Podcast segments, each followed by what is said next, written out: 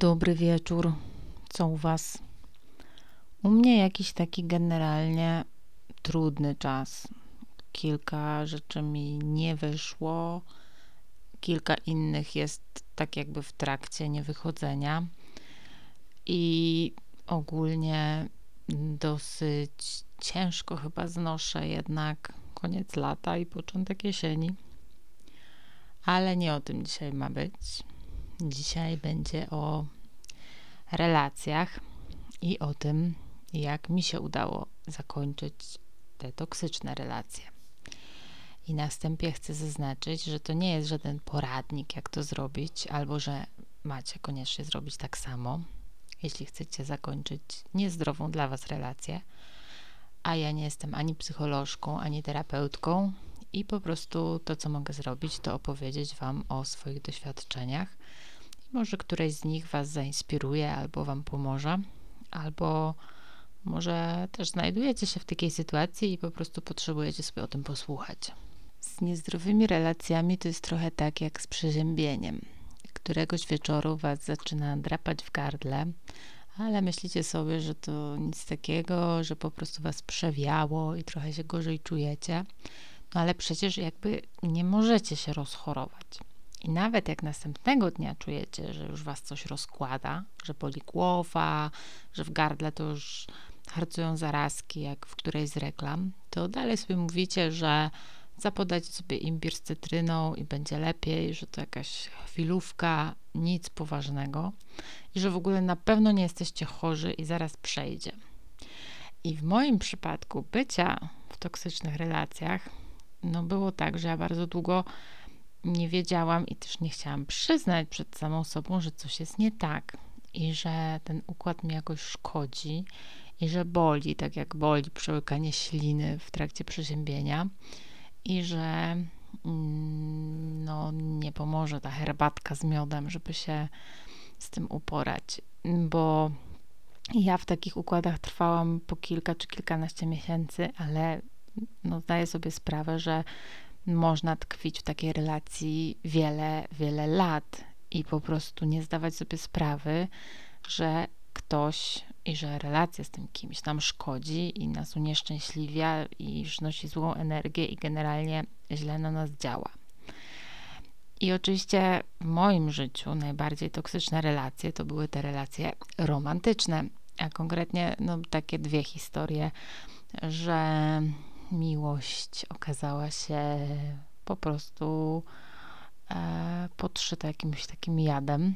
I to znowu nie jest tak, że to był zły człowiek, że to był jakiś wampir energetyczny albo czarny charakter. Po prostu zdarzyło się tak, że to, co nas łączyło, i ta relacja, którą ja wytworzyłam po swojej stronie, była po prostu niedobra, po prostu szkodząca mnie. I w obu przypadkach brała się z przekonania, że jak nie ten, to już nigdy żaden. Po prostu z tak zwanego zakochania się brała. I też z przekonania, że nie umiem być sama, że nie poradzę sobie sama i że samotność i bycie samą to jest najgorsze, co może mi się zdarzyć. I mnie ten lęk przed samotnością, przed byciem samą, latami paraliżował i pchał w różne, czasami bardzo dziwne układy czy znajomości. I determinował w ogóle bardzo wiele w moim życiu. I miałam bardzo, bardzo silne przekonanie, że muszę kogoś mieć, że muszę z kimś być. W sumie nieważne tak do końca z kim, byleby ktoś był taki ktoś, z kim mogę mieć taką bliską relację, y, jeśli nie miłosną, no to przynajmniej jakiś rodzaj po prostu głębszej więzi. I nawet jeśli ta relacja była niezdrowa, to trzymałam się jej jak glonojad ściany akwarium, bo byłam przekonana, że jak się oderwę, to umrę. I bywało, że z jednej takiej znajomości przeskakiwałam do kolejnej, czasami równie wybrakowanej, i na tym właściwie opierało się całe moje bycie mną, na byciu z kimś. Mam nadzieję, że nadążacie za tym takie myśli. Mm, całe moje ja opierało się po prostu na tworzeniu więzi, nawet jeśli ta więź była tylko taka pozorna, bo ona była tylko jednostronna, że ja budowałam, tkałam te niteczki, plotłam ten gruby sznur, a z drugiej strony to była co najwyżej cienka nitka. I potem powiem Wam, co zrozumiałam, ale najpierw chcę powiedzieć o konkrecie. Konkret jest taki, że byłam w relacji z kimś, kto po prostu bardzo mnie wykorzystywał i to w taki brzydki, materialny sposób. To znaczy, e, mieszkał w moim mieszkaniu, korzystał z mojego auta, e, wydawał moje pieniądze, które zarabiałam już wtedy. I w ogóle miał to w dupie. I jakby mieszkanie, to jakby, że na przykład czasami trzeba w nim sprzątać, i auto, i potrafił na przykład wyjeść z lodówki, wszystko i mieć pretensje, że zrobiłam za małe zakupy. No i generalnie był takim dużym dzieckiem, którym trzeba się było zajmować, ale też dzieckiem inteligentnym, oczytanym yy, i z dużą liczbą znajomości. Więc ja przez długi czas nie miałam w ogóle poczucia, że w tej relacji jest jakoś tak nierówno. Bo wiecie, no wprawdzie okej, okay, no zajmowałam się aprowizacją i tak zwanymi sprawami przyziemnymi, no ale w zamian też coś dostawałam. Mnóstwo takiej intelektualnej stymulacji. Spotykałam ciekawych ludzi, omijałam różne rafy na studiach, to rzecz siedziała na studiach i raczej myślałam o tamtej osobie nie jako o a, kimś leniwym i samolubnym, tylko raczej kimś sprytnym, takim w ogóle chytrym, jak lisek chytrusek, który umie tak manewrować, żeby zawsze było na jego korzyść, żeby zawsze jego było na wierzchu i żeby dzięki temu zaszedł daleko. I oczywiście nie widziałam tego, że w związku ze mną też tak manewruje, by było na jego. Po prostu jakoś przyjęłam to, że ja ogarniam tak zwane życie, zmienianie pościeli, e, wiem, samochód i tak dalej. I jakoś tak w ogóle nie widziałam nic podejrzanego w tym, że trochę jestem kucharką, trochę jestem sprzątaczką, trochę jestem dziewczyną do towarzystwa, a nie partnerką. I dziś mogłabym powiedzieć w sumie, że przecież, no okej, okay, no byliśmy młodzi, no to była trochę taka zabawa w dorosłość. E, przecież ja też nie byłam w tym związku bez skazy i zmazy. Ale dzisiaj po prostu wiem, że byłam z tą osobą dlatego, że bardzo tak desperacko potrzebowałam z kimś być i po prostu to było dla mnie jak tlen. I trochę wyglądało to tak, że najpierw było łowienie z tłumu kandydata na romans czy na bycie z. Potem to zaczynanie tego romansu, no a potem to szybko szło, pyk, po prostu śliwka w kompot, jakieś zauroczenie, zakochanie, czy wytworzenie tej więzi. I nagle już nie mogłam żyć bez tego kogoś, już po prostu nagle przyrastałam jak chuba a jeśli zdarzało się tak, że się poczułam zagrożona, że po prostu zainteresowanie słabnie, no to znowu zaczynam się za kimś rozglądać, kto poświęci mi trochę uwagi, tak cała zabawa zaczyna się od nowa. I to był mój sposób funkcjonowania przez kilka lat w różnych związkach. E, na szczęście nie we wszystkich i na szczęście jestem z tego naprawdę dumna, bo udało mi się zbudować też kilka naprawdę fajnych, zdrowych relacji i udało mi się zbudować wspaniałe przyjaźnie, które przecież też są relacjami. Ale w chwilach, kiedy tak spadało mi poczucie własnej wartości, kiedy czułam się trochę słabsza, niekochana, samotna albo znudzona, no to właśnie miałam taki modus operandi i jakby wiecie, z założenia przecież te relacje nie mogły być zdrowe. One z założenia były trochę toksyczne, bo ja po prostu sama sobie wpuszczałam gdzieś ten jad, e, opierając e, te związki i te relacje na lęku przed byciem samą. I w tamtej relacji też byłam jak chuba i długo się nie potrafiłam odczepić i w ogóle nie widząc, że staję się coraz bardziej nieszczęśliwa. Ale w końcu przyszedł taki moment, i to była historia związana właśnie z tym nieszczęsnym samochodem, e, którego ja byłam właścicielką, a którego używał właśnie on, ten mój żywiciel. No i słuchajcie, on któregoś dnia zadzwonił do mnie, że ten samochód mu się gdzieś tam na trasie rozkraczył i po pierwsze, że to jest przeze mnie, bo on teraz nie zdąży e, gdzieś tam dojechać i że to jest w ogóle moja wina, bo miałam pojechać na przegląd, a nie pojechałam. A po trzecie to, że mam mu zorganizować lawetę. I oczywiście to jest tylko moje wspomnienie o tej sytuacji i pewnie gdyby on e, został zapytany o tę sytuację, to by opowiedział wam co innego. E, na pewno jest to wszystko trochę wypaczone, ale pamiętam, że to był moment, w którym uświadomiłam sobie, że coś tu jednak jest nie tak. I wtedy chyba zebrałam się na odwagę i powiedziałam, że w ogóle mnie to nie obchodzi, że gdzieś tam się zepsuł na autostradzie i musi sobie sam poradzić. I jak już sobie poradził, to powiedziałam mu, że ma tydzień, żeby się spakować i wyprowadzić. I przypominam, że to głównie właśnie mój żywiciel jeździł samochodem, no ale wszystkie opłaty, ubezpieczenia, przeglądy były oczywiście po mojej stronie i oczywiście ja za nie płaciłam. Ale i tak najlepsze było to, co nastąpiło później, czyli trwający no, kilka dni albo tygodni festiwal przeprosin, e, pisania listów, czerwonych róż, zapewnień o tym, że wszystko się zmieni, nawet posprzątał łazienkę i tak dalej. No ale clue jest takie, że ja już wiedziałam, gdzie jestem i wiedziałam już, w jakiej relacji jestem i z jakim człowiekiem. I się, słuchajcie, nie dałam. Nie dałam się przekonać. Wytrzymałam ten tydzień, czy tam ile to było, czy dwa tygodnie pod jednym dachem, ale byłam totalnie jak skała, nieugięta i nic na mnie nie działało. Ani kwiaty, ani te jakieś romantyczne podrygi, ani właśnie, że nie wiem, kurczę, wyszorował umywalkę. Mówiłam, że nine, tu jest karton, szczęśliwej drogi, sayonara.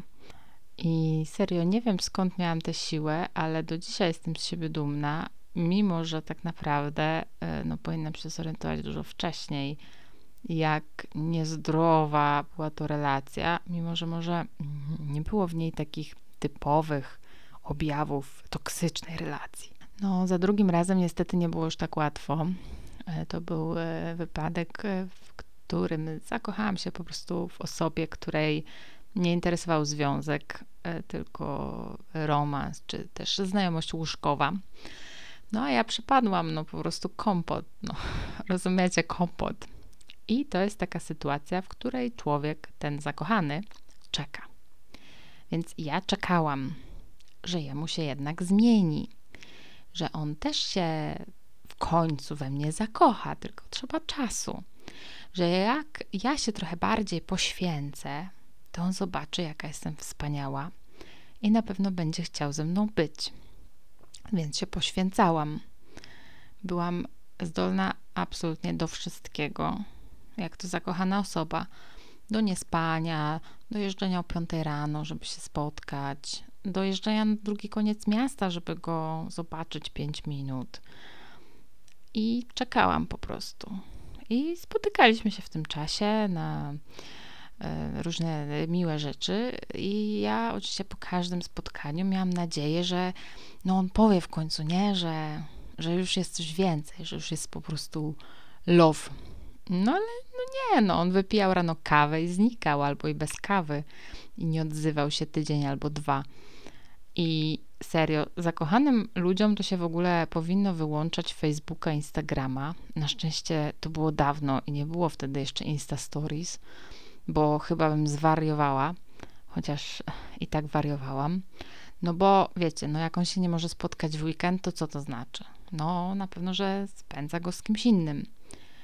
I wiecie, on cisza, a ja dwa dni po prostu chodzę po ścianach albo siedzę między ścianą a lodówką. No a potem nagle ping, jest SMS albo Messenger i ja już biegnę i już jestem na każde zawołanie. I zawsze mi pasuje, ja się zawsze mogę spotkać. Czy jest po prostu druga po południu, czy druga w nocy, przecież zawsze czekam, nie? Czekam. I co on tylko chce? Wszystko robimy, co chce, gdzie chce, idziemy, gdzie chce. Jak nigdzie nie chce iść, to nie idziemy, bo przecież y, nie możemy się razem na mieście pokazać, bo nie jesteśmy parą. Jak w kółko. A ja w myślach, wiecie, no mam to love, no tę sukienkę wybieram w myślach, imiona dla dzieci wybieram. A tu nic, no, kawa, buziak i cisza dwa tygodnie. I tak, kochani, miesiącami miesiącami. I niby mam jeszcze jakieś życie oprócz niego. No, próbuję przynajmniej mieć, ale prawda jest taka, że jak nie jesteśmy razem, to albo fantazjuję o tym, że jesteśmy razem, albo ryczę między ścianą a lodówką.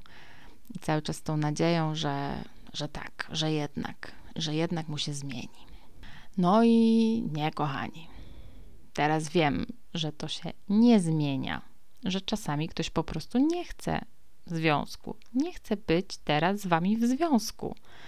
A jeżeli wy chcecie i chcecie coś budować, no to niestety, ale nie z tą osobą, bo z tą osobą się nie dogadacie. Jakby nieważne, ile byście czekali. I można być zakochanym na zabój, no ale drugiej osoby do miłości się nie, nie przekona, nie zmusi.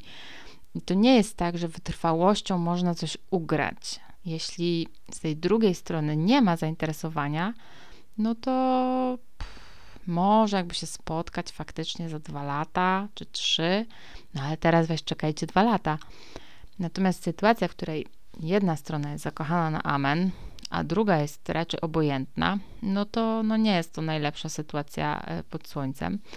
I ja po kilku miesiącach byłam po prostu totalnie wykończona psychicznie, bo przecież wciąż czekałam bo nie chciałam zaczynać żadnych innych znajomości, bo czekałam. Nie chciałam gdzieś tam iść w sobotę, bo czekałam. I moim zdaniem zakończenia e, takie, że czekanie się opłaca i że ludzie się schodzą, e, rozstają, znowu się schodzą i na końcu, jak w tym filmie z Ashtonem Kutcherem, zupełnie jak miłość, z Ashtonem Kutcherem i Amandą Pitt, E, że na końcu dochodzą do wniosku, że jednak nie mogą bez siebie żyć, no moim zdaniem to się nie zdarza raczej, że to jest bardzo mało prawdopodobne, że to się zdarzy. Może ktoś z Was ma taką historię, ale mm, no mi się wydaje, że po prostu nie warto tracić czasu, tylko lepiej szukać dalej, albo przynajmniej dobrze spędzać czas. Na pewno lepiej spędzać czas niż na, na ciągłym płakaniu. No bo to jest po prostu takie niszczące i to jest po prostu toksyczne. I znów, to nie zależy od charakteru tej drugiej osoby, bo to może być super człowiek, super osoba, ale jakby no, sami poświęcając się dla tej relacji, jakby robimy sobie krzywdę. I teraz, najtrudniejsze w zakończeniu tej relacji jest, no wiecie, co jest najtrudniejsze. Nawet chciałam tak nazwać początkowo ten odcinek. Najtrudniejsze jest powiedzieć nie sztuka mówienia nie. Bo ja do tej pory nie wiem, jak to zrobiłam. Wiem, że posłuchałam pewnej mądrej osoby, której opowiedziałam o tym, e, w jakim jestem układzie uczuciowo-łóżkowym, a ona mi powiedziała wtedy, e, no, no, musisz powiedzieć, że to jest koniec znajomości i zerwać kontakt. A ja mówię, ale jak to zerwać kontakt? No, zerwać kontakt. Skasować e, Facebooka, skasować numer, po prostu unikać miejsc, i imprez, w których moglibyśmy się spotkać, po prostu co z oczu, to z serca. No i chyba nie ma trudniejszej rzeczy, tak związkowej dla zakochanego człowieka, niż po prostu odmówić sobie. E, no, no, teraz macie skasować na Facebooku kogoś, kogo kochacie i z kim cały czas macie nadzieję być i macie napisać mu, że to jest koniec i to nie jest takie pisanie, że to jest koniec, po to, żeby on napisał, że nie kończmy i spotkajmy się za tydzień, tylko to jest taki koniec, że już się naprawdę nie spotkacie. To jest po prostu podjęcie pewnej decyzji, że już nie będziecie w sobotę czekać, aż ten ktoś napisze wam SMS-a, że jest gotowy na bzykanie, tylko po prostu zaplanujecie sobie sobotę i pójdziecie sobie w zupełnie inne miejsce, niż możecie spotkać tę osobę. I yy, że nawet jak będzie impreza ze wspólnymi znajomymi, to nie, że jesteście silni i sobie pójdziecie i mu pokażecie, co traci, czy jej, tylko że nie pójdziecie po prostu, bo ta osoba tam będzie. No i to nie jest tak, że mi wyszło od razu to zrywanie kontaktu. No nie wyszło, no. Nie wyszło raz, drugi, ale za trzecim już trochę lepiej. I zrobiłam to w końcu. W końcu napisałam nie. W końcu napisałam, że nie chcę się spotykać. I napisałam to z intencją, że nie chcę się spotykać, a nie z intencją, że mam nadzieję, że on napisze, że jednak proszę, spotkajmy się. I skasowałam numer i Facebooka. I chyba w ogóle sobie skasowałam Facebooka wtedy na jakiś czas, żeby mnie nie kusiło. Oczywiście, że kusiło, no jeszcze z pięć razy sobie przywracałam tego Facebooka, ale uwierzyłam w jedno, i to jest powrót do tego, o czym mówiłam, że Wam powiem. Uwierzyłam, że najważniejsza relacja i najważniejsza więź, jaką muszę w życiu zbudować, to jest ta więź ze samą sobą. Że dopóki mi samej ze sobą nie będzie dobrze, to z nikim mi nie będzie dobrze. Że zawsze po prostu te relacje będą jakieś takie skrzywione. Że dopóki ja będę chubą potrzebującą żywiciela, to po prostu nigdzie nie dojadę, no. I że muszę się zmierzyć z tym moim lękiem byciem, przed byciem samą, z tą samotnością i że tak też może być dobrze. I że można mieć cudowne, wspaniałe życie, nie będąc w związku. No i też nie myślcie sobie, że to się stało od razu. Dojście do tego. To mi zajęło bardzo dużo czasu i się wywracałam wiele razy na tej drodze. Ale to pierwsze nie w SMS-ie sprawiło, że zaczęłam czuć taką siłę, która płynie z tego, że uświadamiasz sobie, że masz jednak wpływ na swoje życie. Nawet jeśli konsekwencją jest y, przepłakany wieczór, czy noc, czy dwa tygodnie. I mm, też oczywiście na wiele rzeczy wpływu nie mamy, ale jeśli chodzi o niezdrowe dla nas relacje, związki, to wiem, że można się z nich wyzwolić, bo to zależy od nas. I tak samo może być w przypadku toksycznej przyjaźni czy toksycznej rodziny, członka rodziny. Jeśli mamy w swoim otoczeniu osoby, z którymi ym, relacje nam psują jakość życia, to możemy je skończyć. I tak wiem, to jest bardzo trudne i w rodzinie jest y, no wręcz prawie niemożliwe, ale jednak słuchajcie, można zrobić. Jeżeli jest toksyczna relacja z rodzicami, to można ją po prostu ograniczyć do minimum. Jakby nie będę nikomu radzić, ale chcę, żebyście uświadomili sobie, że jeżeli podejmiecie taką decyzję, że na przykład zrywacie czy ograniczacie bardzo kontakt z kimś, kto jest dla Was szkodliwy, to jesteście w stanie to zrobić. No jest to trudne, wymaga ofiar, ale możliwe. Bo jeżeli związek czy relacja z kimś po prostu niszczy wam życie, to czy naprawdę trzeba utrzymywać go za wszelką cenę? No gorzej, najgorzej jak to jest najbliższa nam osoba, na przykład jak to jest mama.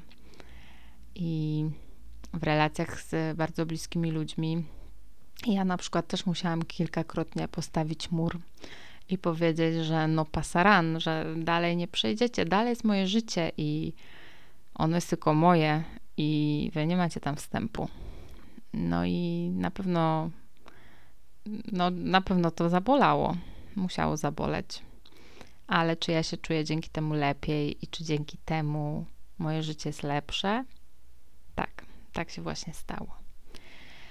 I nie chcę tutaj mówić o takich ekstremalnie trudnych sytuacjach, e, na przykład sytuacjach bycia od kogoś uzależnionym finansowo, albo o sytuacjach e, przemocy psychicznej e, czy fizycznej.